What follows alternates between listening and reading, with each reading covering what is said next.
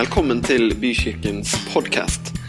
For mer informasjon om oss cvvvbykirken.no.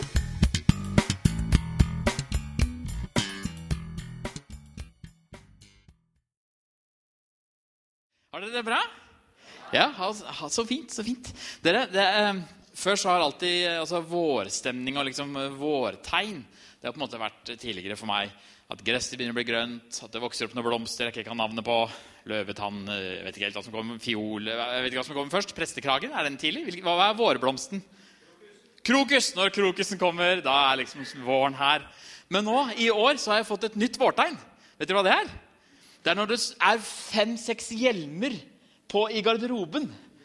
For da betyr det at da er motorsykkelen ute. For da har, eh, da har gutta våre og jentene våre begynt å sykle. Ja, det er kult. Eller de sier ikke sykle da, tror jeg. Tror ikke det er det de skal ut og sykle litt. Jeg tror ikke det er det de sier. Hva, skal vi kjøre her? Hva, hva sier dere? Kjøre. Det er bare kjøre. Skal vi ut og kjøre en tur? Ja. ja. Skal dere ut og kjøre etterpå? Ja, cruise. Ja, veldig fint. Veldig bra, altså. Det er bra. Dere, la oss be litt. Kjære, gode Gud, tusen takk for at vi får lov til å feire palmesøndag. Jesus, du troner. Du kom inn som en konge, men som en ydmyk konge. Og vi har bare lyst til å ære deg. Jeg har bare lyst til å formidle det som er i hjertet mitt av takknemlighet. Og si at du, Herre, du er øverst. Du er høyest. Du er den største. Vi er faktisk ingenting vi sammenligner med deg. Så Jesus, vi elsker deg. Vi har lyst til å følge deg. Vi har lyst til at dette landet, denne byen, de naboene våre skal få lov til å oppleve hva du har gjort for menneskeheten gjennom denne Herre. Takk for det. Takk for det. Amen. Dere, De siste ukene så har det vært fokus eh, på, fra denne plattformen på, på oppdraget. Altså selve grunnen til at Kirken eksisterer. Det er jo for at vi skal fortelle om det som har skjedd med oss. Vi skal få formidle at Jesus lever i dag. Jesus har kraft. Han kan gjøre noe med livet vårt. Han kan frelse oss. Han kan ta vekk alt det vi har gjort sjøl som ikke er så bra, og så kan han erstatte det med noe bra. Det er liksom det vi har snakka om. Hvordan skal vi få til dette her? Vi, vi har snakket om at vi er salt. eh, Vi er eh, parfymerte brev. eh, Og, og, og det er utrolig gode bilder på hvordan vi klarer å eh, være til stede i verden eh, eh, samtidig som vi har noe å formidle. Og jeg tenkte jeg skulle henge meg litt på med dette her i dag og snakke om hvordan vi rett og slett kan løfte taket. Og det er eh, mitt første bilde. Løft taket. Det er det det skal handle om i dag. Hvordan i all verden løfter man taket? Har dere vært i eh, Eller det jeg tror da, at dere har opplevd det noen ganger, at når dere er i et rom, så er det en, slags, det er en viss stemning der. Litt sånn avhengig av hvem som er der. så er det sånn, det er en bursdag, eksempel, hvis du er på et eller annet møte, så er det på en måte en viss stemning. Og så kommer det noen andre inn i rommet, og så bare løfter stemningen seg. Har dere opplevd det? Det er noen folk som har den evnen til liksom bare ho, ta det opp på et sånn nytt nivå. Av positivitet eller eh, framtidstro. Kanskje man er sånn deppa på et eller annet. Men så kommer man inn, og så er det noen som bare gir et eller annet annet. Noe som på en måte 'Å ja, dette var jo bra', liksom. 'Å, så deilig at du kom inn i rommet'. Eh, bare om at man er skikkelig til stede. Noen som er skikkelig til stede i rommet. Det er kult, da. Det er veldig bra. Og, og det har jeg tenkt jeg skal snakke om hvordan i all verden får man til det. Og jeg er så heldig at jeg hver dag nå i livet mitt har ei lita jente som virkelig løfter rommet. Se på denne jenta her. Hæ? Det er helt umulig å ikke være fornøyd. Altså, bare, det med å spise en leverposteiskive liksom, syns jeg er kjempekoselig med denne jenta. Det er veldig sjelden jeg tar bilde av Kristin eh, når hun spiser leverpostei. Men, eh, men det kunne jeg også gjort, for du er også med på å løfte rommet i aller høyeste grad. Eh, Men, men, men det er noe med liksom Mias vesen. Se, hun smiler og er så fornøyd. Og hun, hun er veldig sånn Hun tar rommet når hun kommer. altså. Hun er på en måte forventer at de skal se på henne, ikke sant? at eh, hun har noe å gi. Hun har skjønt at det er lurt å smile først, for da får hun veldig ofte et smil tilbake igjen. Ja, ja ser du bildet av deg? Ja, Mia er våken. Mia pleier alltid å sove på den tida her, men nå er du våken og ser bilde av deg. Dette ble ganske sånn nært og personlig. Det er nesten som vi, bare oss her til stede. Men det er noen flere her, så jeg skal prøve å få oss inn igjen i det større bildet. Men, men Mia hun løfter rommet for meg. Jeg har pappaperm nå, sånn to dager i uka. Og det er helt fantastisk å være sammen med jenta. Hun er virkelig helt rå. Hun er helt unik. Eh, og så har du liksom motstykket. Det fins også mennesker som rett og slett eh, drar rommet litt ned. Og vi kan ta neste bilde, for det er på en måte en slags illustrasjon. For dere har sikkert fått med dere da at nå kan vi kjøpe godteri for 2,90 dere, eh, per, per hekto. Det er jo fantastisk, fantastisk billig. Og jeg var på Rema 1000 her og skulle egentlig, ja, jeg skulle faktisk kjøpe litt godteri. da, så Det var derfor jeg kom. Og så, så var det ganske glissent i godteriskuffen der. Og så, og så sto det, hadde kommet om en plakat siden sist jeg var der. Eh, det er fint om dere bruker posene å plukke opp i, og ikke bare, ikke bare ta med dere hele kartonger. Så jeg tenkte ja, det er jo spesielt da, at vi må, liksom, vi må skrive det. Det er, litt sånn, det er noe grådig over det. Jeg, liksom kommer, jeg tar meg fem sånne kartonger. Jeg. Så jeg drev og tulla litt med det med han uh, som satt i, i uh, kassa. Og han var jo helt enig i at dette her var jo litt sånn, er litt sært. liksom. Og så kommer det inn en annen fyr som, uh, som bare hører liksom fra andre, fra andre sida nærmest av butikken. Er det faktisk sånn at jeg ikke skal få kjøpt meg noe firkløver i dag? For det var nemlig tomt for firkløver. For det var det også tilbud på. Og Han var virkelig provosert av det. Er det liksom mulig at jeg ikke får tak i firkløver? Har dere frarøvet firkløveren fra meg? Han var ikke ute etter å løfte rommet. kan du si. Han, var, han hadde lyst til å gjøre det så trangt som mulig. Uh, og, og, han uh, som satt i kassa, gjorde det så godt han kunne. Han sa jeg kan jo gå, jeg skal få noen til å sjekke for deg om vi har igjen firkløver. Det går litt unna om dagen. Det er jo ganske mye godteri som blir solgt. Eh, men dette var han ikke fornøyd med, og så fant ikke noen firkløver heller. og det var helt tragisk. Og Han klarte, han skulle kjøpe seg noen lighter, og så rev han ned noen lighter. Og det her er ikke min dag! Og han var veldig sånn ja, veldig, veldig irritert. Så det er fullt mulig å senke rommet veldig lavt også, over bitte små filleting. Og Jeg sier ikke dette for å trekke fram han som en negativ person, men poenget er at vi mennesker vi er nok innom begge deler ganske ofte i løpet av livet vårt. Av og til så har vi evnen til å løfte rommet vi kommer inn i, og av og til så har vi evnen til å bare dra det helt ned, så vi ikke er noe takhøyde i det hele tatt. Og her i denne kirka, når vi synger lovsanger, når vi ærer Gud, når vi står sammen og sier 'Jesus, du er størst', så blir rommet ganske høyt. Da blir taket ganske høyt. Er dere i det? Da er det ganske lett å ha en god takhøyde. Fordi det bare ligger der. Det ligger en kjærlig atmosfære. Og Av og til i ekteskapet også så er det bare lett å ha dette rommet høyt. Det er lett å ha god luftsirkulasjon. Vi har det fint. ikke sant? Eh, men så fins det øyeblikk i livet der vi faktisk må jobbe for å løfte taket. Eh, det fins øyeblikk i alle settinger, om det er på jobben din, om det er i kirka, om det er i ekteskapet ditt, om det er med barna dine. Du har alltid mulighet til å løfte taket litt. Og, og det er utrolig inspirerende og også litt slitsomt å tenke på noen ganger. Men det er nå det vi skal snakke om. Eh, jeg tenkte å ta fram et bibelvers, eller egentlig et helt kapittel, faktisk, fra Daniel sin tid. For Daniel han måtte løfte taket litt sammen med vennene sine.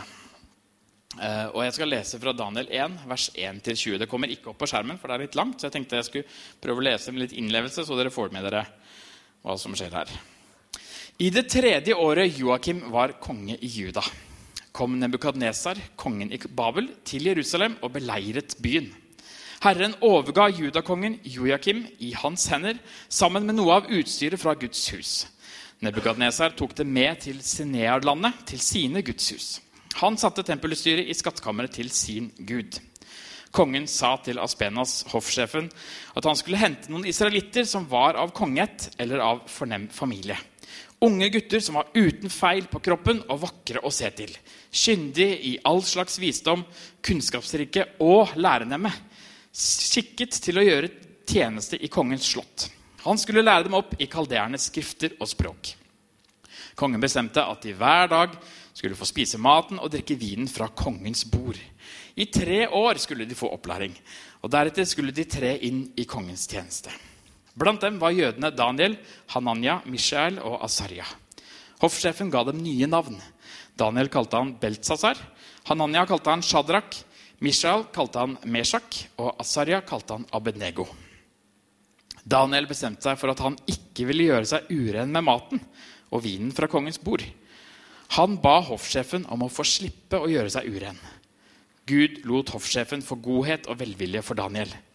Men hoffsjefen sa til Daniel, 'Jeg frykter at min herre, kongen, som har bestemt hva dere skal spise og drikke, skal synes at dere ikke ser så friske ut som de andre guttene på deres alder.'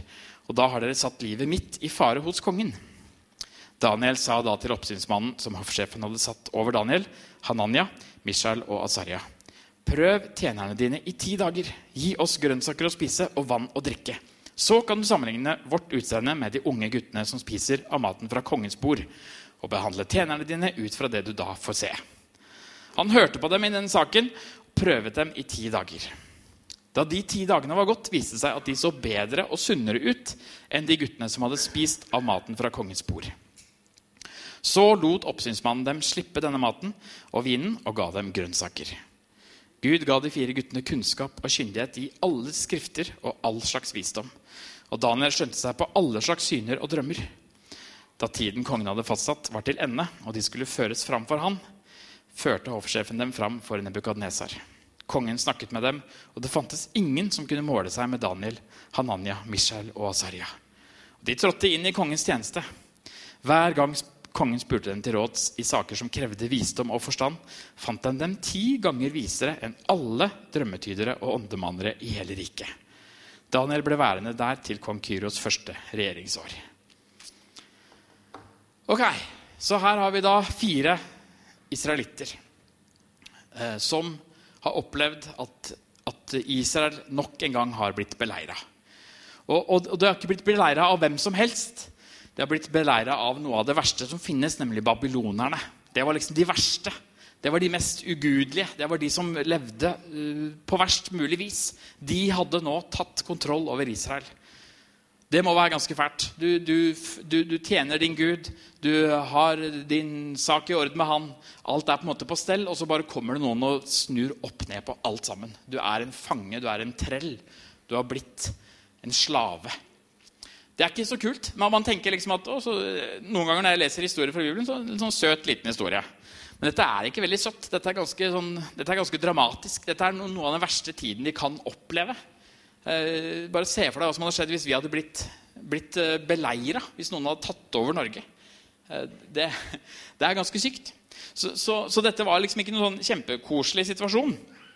Eh, og det er egentlig eh, ganske eh, så I forhold til da, når man skal gjøre en heltedåd, en heltebragd, eller når man skal liksom få ut det lille ekstra man har i seg, når man skal leve ut det ytterste av sitt potensial, så skjer det som regel ikke når alt er på topp. Fordi da trengs det ikke. Da er taket høyt nok. Det er når taket er lavt, at man trenger mennesker som disse her. Som har forberedt seg, som er klare, som har noe å komme med. Det er når det er tøft, at man kan være stor og gjøre store bragder. Og det har jeg lyst til å si litt om nå. Vi kan ta neste bilde her. Fordi dette handler om at man rett og slett ikke skal la omstendighetene dra deg ned. Det er masse rundt ikke sant, som skjer. Det er mange ting som disse israelittene kunne ha tenkt når de ble tatt opp til, til kongen. De kunne ha tenkt at nei, dette her er jo helt håpløst. Vi er slaver. Vi får ikke til noen ting. Dette her er liksom kjørt. Vi kan bare pakke ned. Bare eksisterer vi nå i. Vi gidder ikke gjøre noe ut av livet vårt. Det er over. Vi kan pakke sammen. Men disse gutta de bestemte seg for at de skulle være til stede. De skulle ta kontroll over situasjonen. De skulle gi seg over til det de hadde kommet i, og, og virkelig trøkke til. Bruke livet sitt til noe fornuftig. Og det er når det er håpløst, at man trenger noen som kan løfte moralen. Det er når det er på det laveste, at man må ha noen der som, som står klare. Og, så er det sånn at veldig mange av oss vi har enten unnskyldninger eh, i forhold til hvordan livet vårt er. Nei, det er fordi eh, et eller annet har skjedd, eller man føler seg ikke så bra, eller man er syk. Og, og, og Noe er unnskyldninger som man, som man, på en måte finner på, mens andre ting kan være årsaker. Det kan være årsaker til at du ikke orker å løfte rommet, som er helt reelle. Det kan være at man har en alkoholisert far, man har vokst opp og ikke blitt sett nok. Man har mange sånne forutsetninger da, som gjør at man ikke altså at Du har grunn til å ikke løfte rommet. Du har grunn til å være deprimert. Er, eh, man tenker at det er jo helt logisk at du ikke er liksom på topp nå pga. det du har opplevd. Men saken er den at Gud ønsker at vi faktisk skal løfte oss opp. At vi skal løfte rommet selv når omstendighetene sier noe annet. Selv når vi er fanger av Babylon, for å si det sånn. Når Jesus, eller når Gud da ikke frigjorte når, når, når han lot dette skje, så betyr det at han lar ting skje i våre liv. Det er det andre poenget mitt i forhold til at man skal forberede seg på vanskelige tider. For det kommer til, Hvis ikke du er i en tøff tid nå, hvis, hvis ikke du akkurat har vært det, så er det stor sjanse for at du kommer til å få det litt tøft. Det er sånn livet er. Eh, og, og, og Gud har ikke lovt at vi ikke skal ha det tøft. Da hadde han frigjort eh, israelittene fra Babel. Da hadde antagelig det aldri skjedd. Hvis Gud hadde passa på folket sitt hele tiden, holdt de vekk fra alt som kan skje, så hadde man jo hatt et veldig veldig godt og smertefritt liv. Men vi kan dessverre ikke garantere at livet blir smertefritt. Vi kan ikke garantere at dette her blir bra. Og det, det som er litt kult med, med disse gutta, da I, i, I, vers 4 så står det 'unge gutter' skal du finne, som var uten feil på kroppen. Det kan diskuteres i forhold til meg. Eh, vakre å, å, se til. Alt er litt sånn relativt. Jeg har i hvert fall ei som syns jeg er søt. Eller kjekk. Jeg vet ikke helt om det er søt eller kjekk, men uh, i hvert fall kjekk nok da, til at du vil leve livet med meg. Det setter jeg pris på. Men eh, de skulle være kyndige i all slags visdom, kunnskapsrike og lærernemme. Skikket til å gjøre tjeneste i kongens slott. Og så skulle han lære dem opp i kalderende skrifter og språk. Så disse gutta de var forberedt. De De hadde på en måte de, de hadde forberedt seg. De, de, kunne masse. De hadde lært seg mye. Eh, og de var også ikke bare eh, ferdiglært, men de var forberedt på å lære mer. Når de skulle lære et nytt språk, en ny kultur, så var de forberedt på det. De, de, de evna å lytte. De var i stand til å, å, kommunisere med folk. De var i stand til å bruke det de hadde lært, til å komme videre. De hadde forberedt seg på en tøff situasjon. De var liksom klare. Og jeg tenker Hvis, hvis jeg skulle blitt tilkalt, eller hvis, hvis, noen trenger hjelp i en vanskelig situasjon De vet at nå trenger vi noen som er klare. Hadde de egentlig valgt meg? har jeg tenkt litt på noen ganger. Er jeg egentlig klar? Det er ofte sånn at vi kristne vi, vi, vi, har tatt imot Jesus, og vi lever et hektisk liv eh, sammen med alt annet som eh, vakler rundt på jorda her. og, og, på en måte bare driver med. Men, men, men, har vi liksom forberedt oss? Eller bare cruiser vi på den troa vi har, og så lar vi det være med det? Er vi forberedt til å bli tilkalt når det skjer en krise? Er vi klare? Er det, er, er det oss som tror på Jesus, folk tenker på når de trenger hjelp? Er det vi som skal stå opp og løfte det taket når det må løftes? Når det holder på å dette ned over, over andre mennesker? er vi der til å løfte opp hendene og si dette går bra. Dette, jeg er klar. Jeg er forberedt. Jeg har ikke bare tenkt på meg sjøl, men jeg har forberedt meg til å, til å, hjelpe andre mennesker. Disse fire gutta hadde gjort det. De kunne veldig mye. Utrolig smarte. Og de ble brukt i en, i en helt unik situasjon.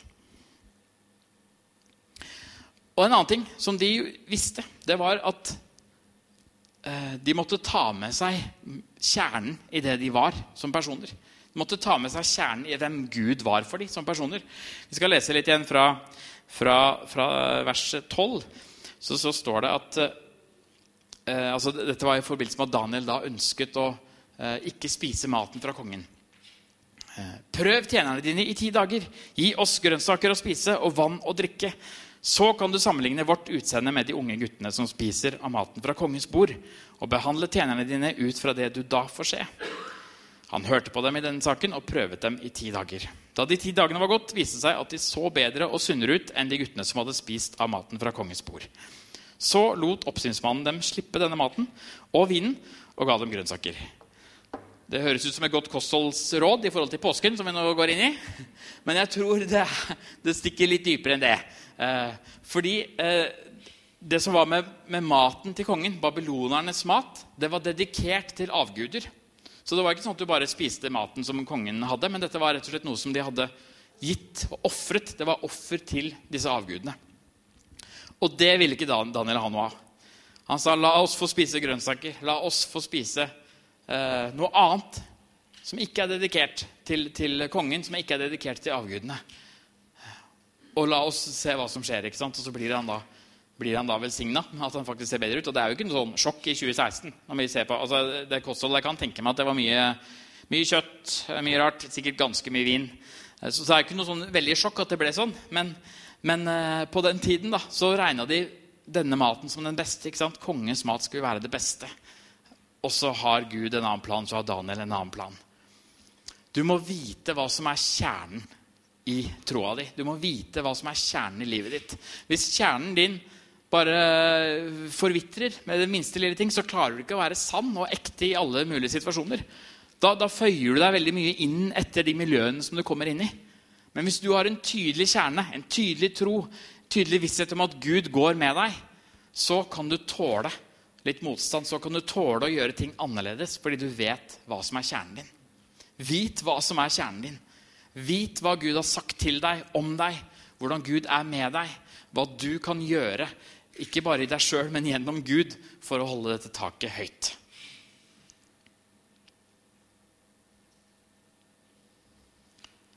Du klarer ikke å løfte noe hvis kjernen er svak. Eh, det er det de ofte driver, de som trener, da, har jeg hørt. De, de trener ofte kjernemuskulaturen. Fordi hvis ikke du har den på plass, så hjelper det ikke å være sterk i armene. Hvis ikke du har en sterk kjerne, så står du ikke imot. Så står du ikke der når, når, når du skal trene. Men det vet sikkert andre om, mer om enn meg. Det var det jeg hørte. da. Jeg skal begynne å trene kjerne. Lover.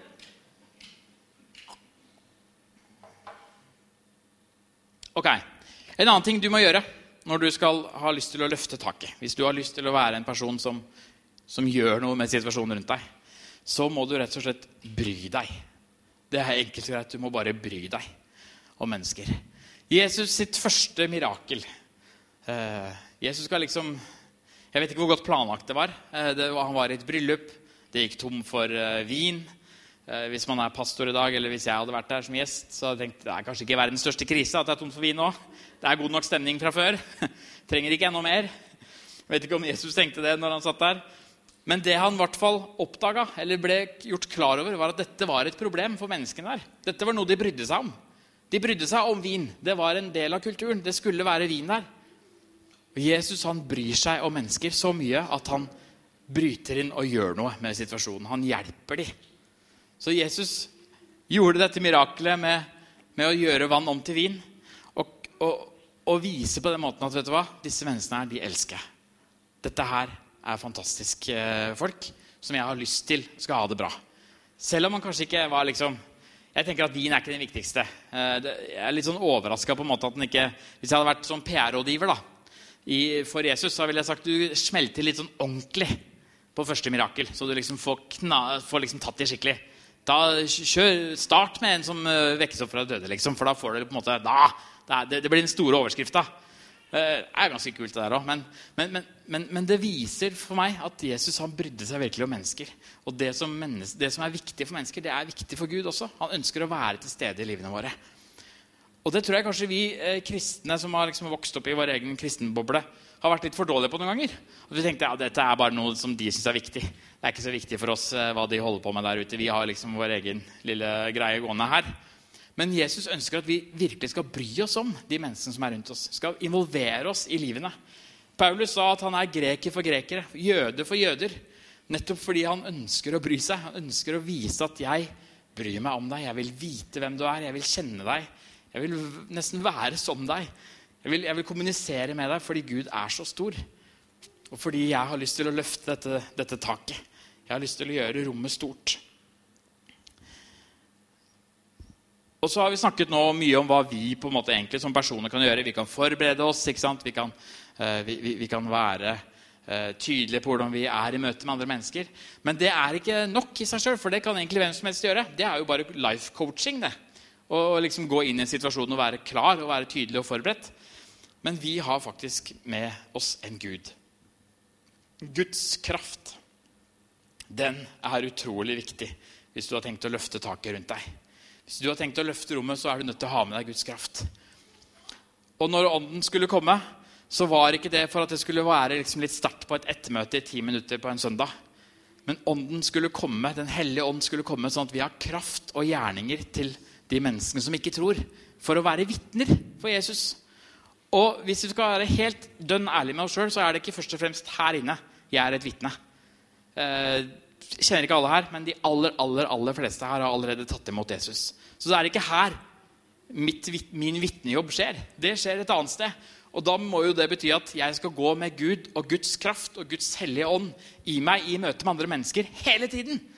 Ikke på søndager, først og fremst, men faktisk først og fremst ellers. For Hvis ikke vi har Guds kraft, så har vi ikke noe annet å by på enn en life coach som er litt godt forberedt. Eh, nok av mennesker ser andre i dag i verden. Det er ikke sånn at vi er helt unike på det. Men det vi er unike på, er at Gud har tatt bolig i oss. Guds kraft er i oss. Han har visdom, han har kunnskap, han har kjærlighet, han har nåde, han har helbredelser å komme med når vi er Guds vitner. Når vi er sammen med andre mennesker som ikke tror, og bevisst bruker Guds kraft, da løfter vi taket. Da løfter vi rommet vi er i. Da kan vi gjøre en forskjell gjennom at Gud bruker oss. Og så, vi, vi kommer ikke unna Palmesøndag uten å snakke om Palmesøndag. Eh, og, og, eh, dette her er det siste punktet mitt i forhold til at vi må faktisk vise ydmykhet. Vi må være ydmyke i møte med andre mennesker. Skal ikke komme som bastante liksom, 'Dette her har jeg fullt svaret på.' Vi må være ydmyke, vise at vi bryr oss, komme med kjærlighet. Og Jesus han kom med all ydmykhet det var mulig å komme med palmesøndag for 2000 år siden.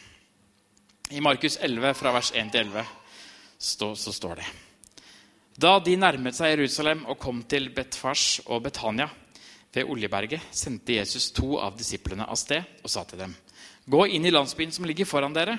Straks dere kommer inn i den, skal dere finne en eselfole som står bundet, og som det ennå ikke har sittet noe menneske på. Løs den og før den hit. Og om noen spør hvorfor gjør dere dette, så skal dere svare Herren har bruk for den, og han sender den straks tilbake igjen.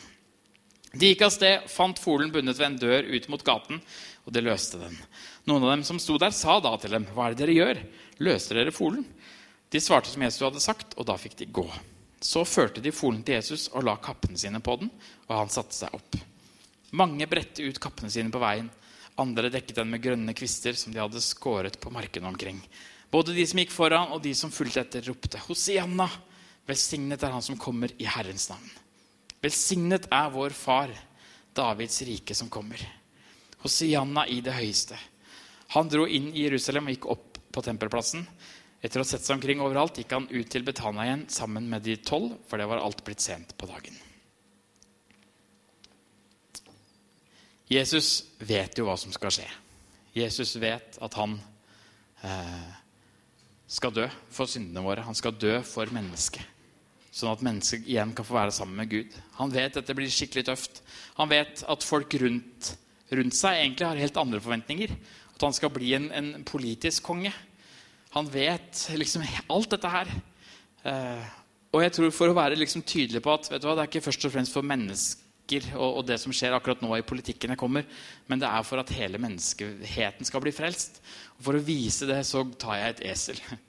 For å vise det så, så rir jeg på noe av det minste man kan ri på. Eh, jeg er ikke så god på anatomi, da, men, men esel er, det, det, er ikke, det, er ikke, en hest, da, for å si det sånn. Eh, og det, jeg vet ikke om ponni kanskje har vært et bedre valg. Hadde de ponni på den tiden. Jeg er litt usikker.